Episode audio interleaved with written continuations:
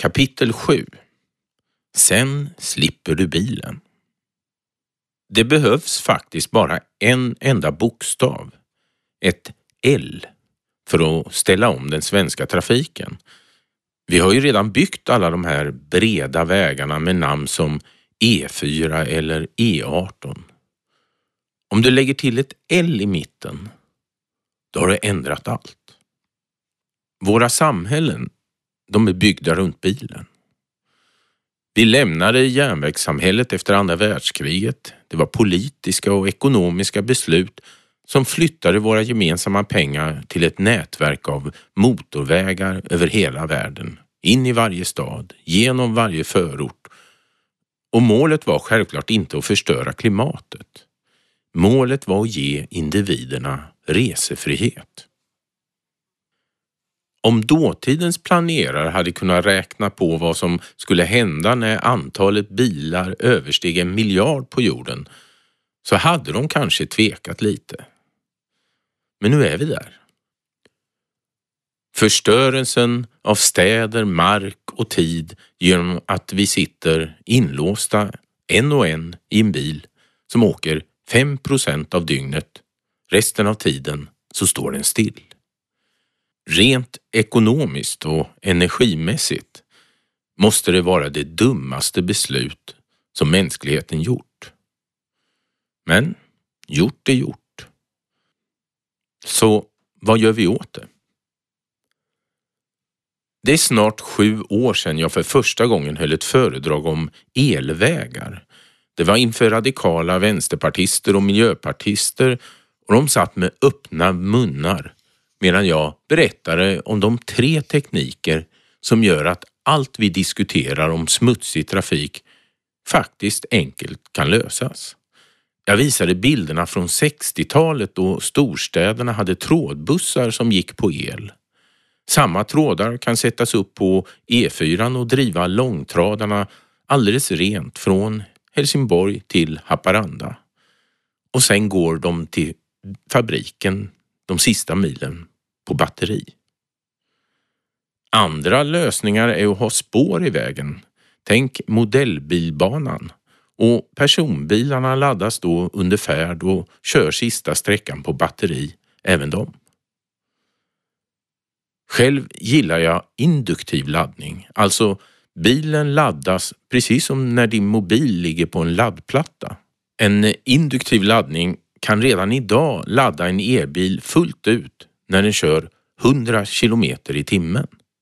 Alla de här tre teknikerna är lösningar på frågan hur vi snabbt ska kunna ställa om trafiken. En tågälskare som jag själv är vet ju att det tar lång tid att bygga snabba tåg. Men det löser också problemet, om det nu blir ett problem, hur vi ska få fram så mycket batterier till våra bilar så att elbilarna hinner ersätta de smutsiga i tid. Vi kanske helt enkelt behöver ha betydligt färre batterier i varje bil. Och så laddar man under drift. Då blir det bara slutsträckan som går på lagrad el. Så enkelt. Tekniken för elvägar finns. Några är över 70 år gamla. Om någon är orolig för detta med eldrift på vägar så kan hen ju sätta sig i en spårvagn och tänka efter. Men för lyssnarna på det där föredraget jag gjorde 2011 så var det här science fiction. Jag hade lika gärna kunnat prata om tidresor. Istället valde de radikala partierna en strategi där man stödde först diesel för att det minskade utsläppen och sen biodiesel för att det var klimatneutralt. Jag vet inte varför de inte förstod. Förmodligen pratade jag för entusiastiskt. Idag finns kalkyler på elvägarna, bland annat från professor Mats Alakulla och det finns testbanor för alla tekniker. Om man skulle göra våra e-vägar till elvägar kostar ungefär 250 miljarder kronor. Det är samtidigt en besparing på batterier samhället skulle göra genom att bilarna då har mindre batterier per bil. Problemet är alltså inte ekonomiskt, det är bara politiskt. Kostnaden ligger på den offentliga sidan. Vägar byggs ju fortfarande av staten medan besparingen finns hos den enskilde bilägaren.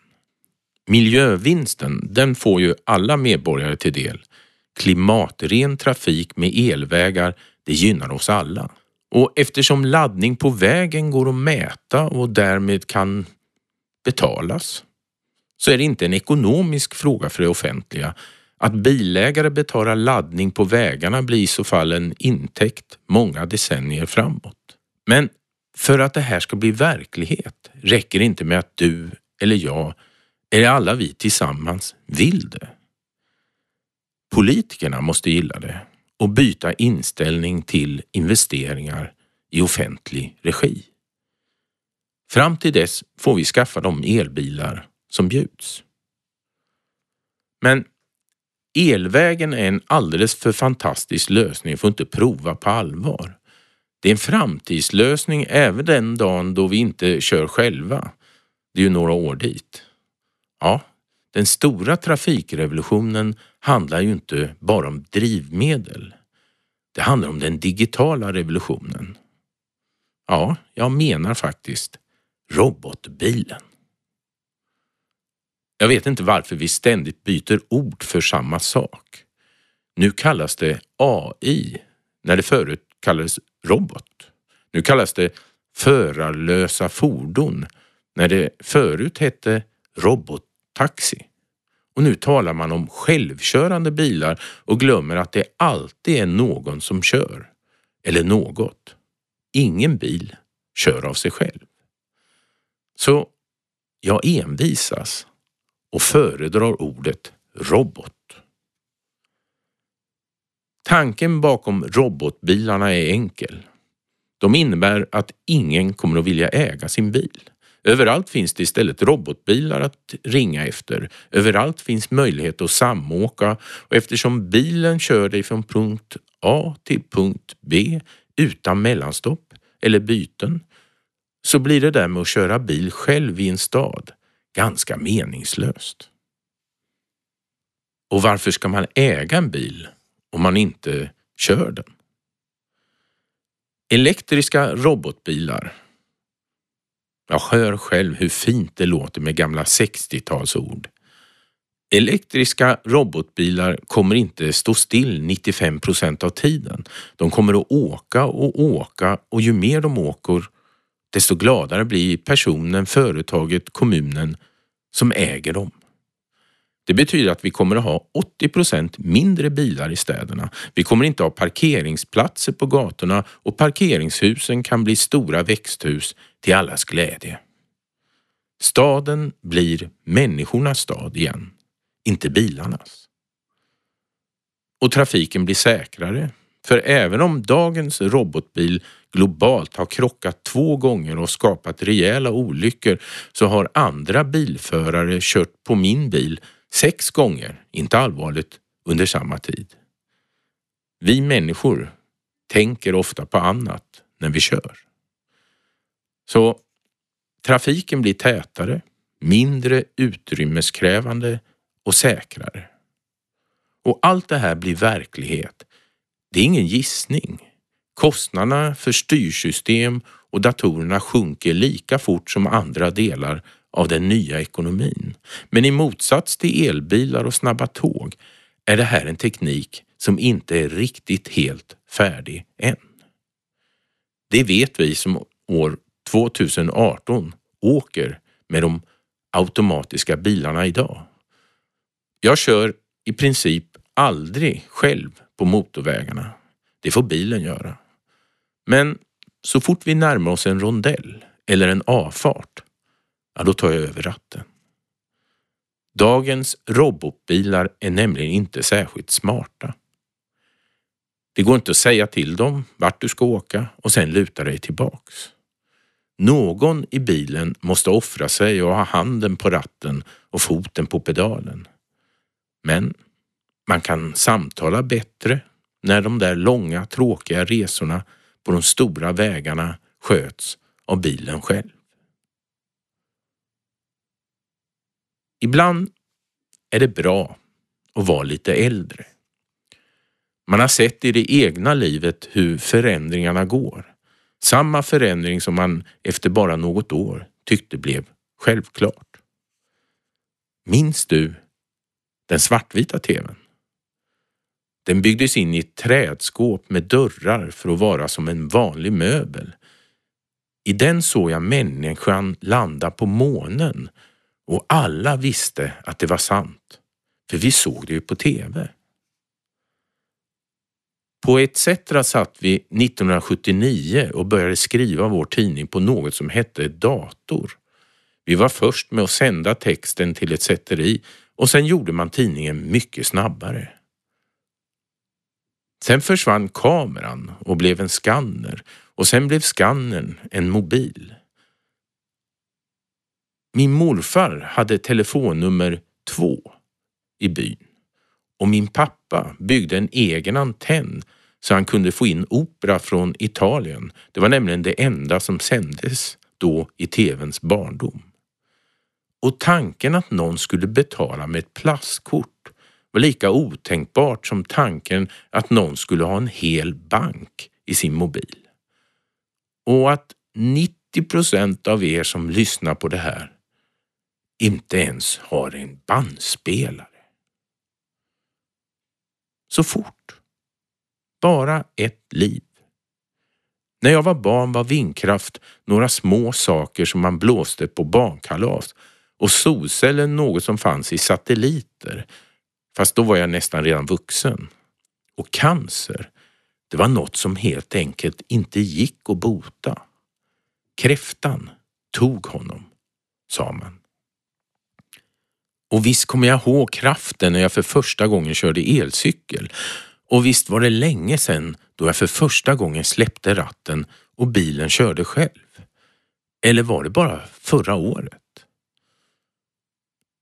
Att inte tro på snabb förändring i en värld är att förminska sig själv. Å andra sidan, ingenting förändras av sig själv.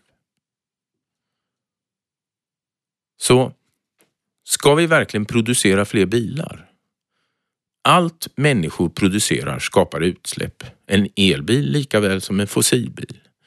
Det enda som kan göra produktionen renare är om det är ren energi från sol, vind och vatten som driver fabrikerna och transporterna och råvaruutvinningen.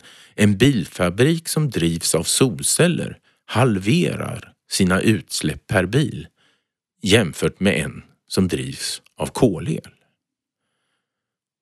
Men vill vi minska utsläppen är det självklart bättre att bara behöva göra 400 miljoner elbilar istället för 2 miljarder.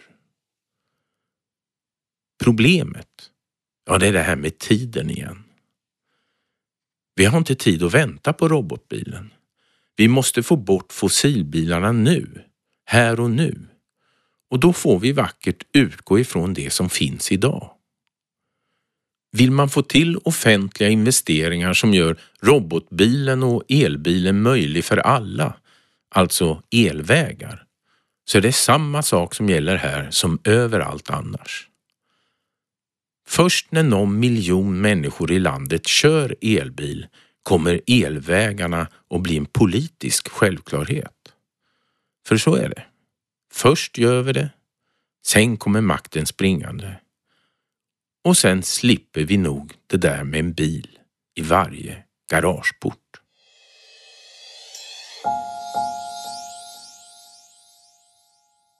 Vad kan du göra? Det blir ingen ren trafik om inte du själv börjar skapa den. Kan vi så ska vi undvika bilen. Inne i städerna behöver vi sällan bilen. Ute på landet där kollektivtrafiken är dålig blir klimatpolitiken svårare att genomföra för den enskilde. Men det är ett misstag att tro att Sveriges smutsiga trafik sker i glesbygd. Den sker i och mellan storstäderna. Om man fortsätter köra på diesel mellan min mors barndomsbyar i Norrland är det mycket mindre klimatproblem än om vi gör det runt Mälaren. Det här gäller ju inte all glesbygd. Gotland behöver bara få en tre, fyra snabbladdare för att de minsta elbilarna ska kunna ta sig fram överallt utan problem. Så överallt där du kan och måste ha bil, skaffa en elbil.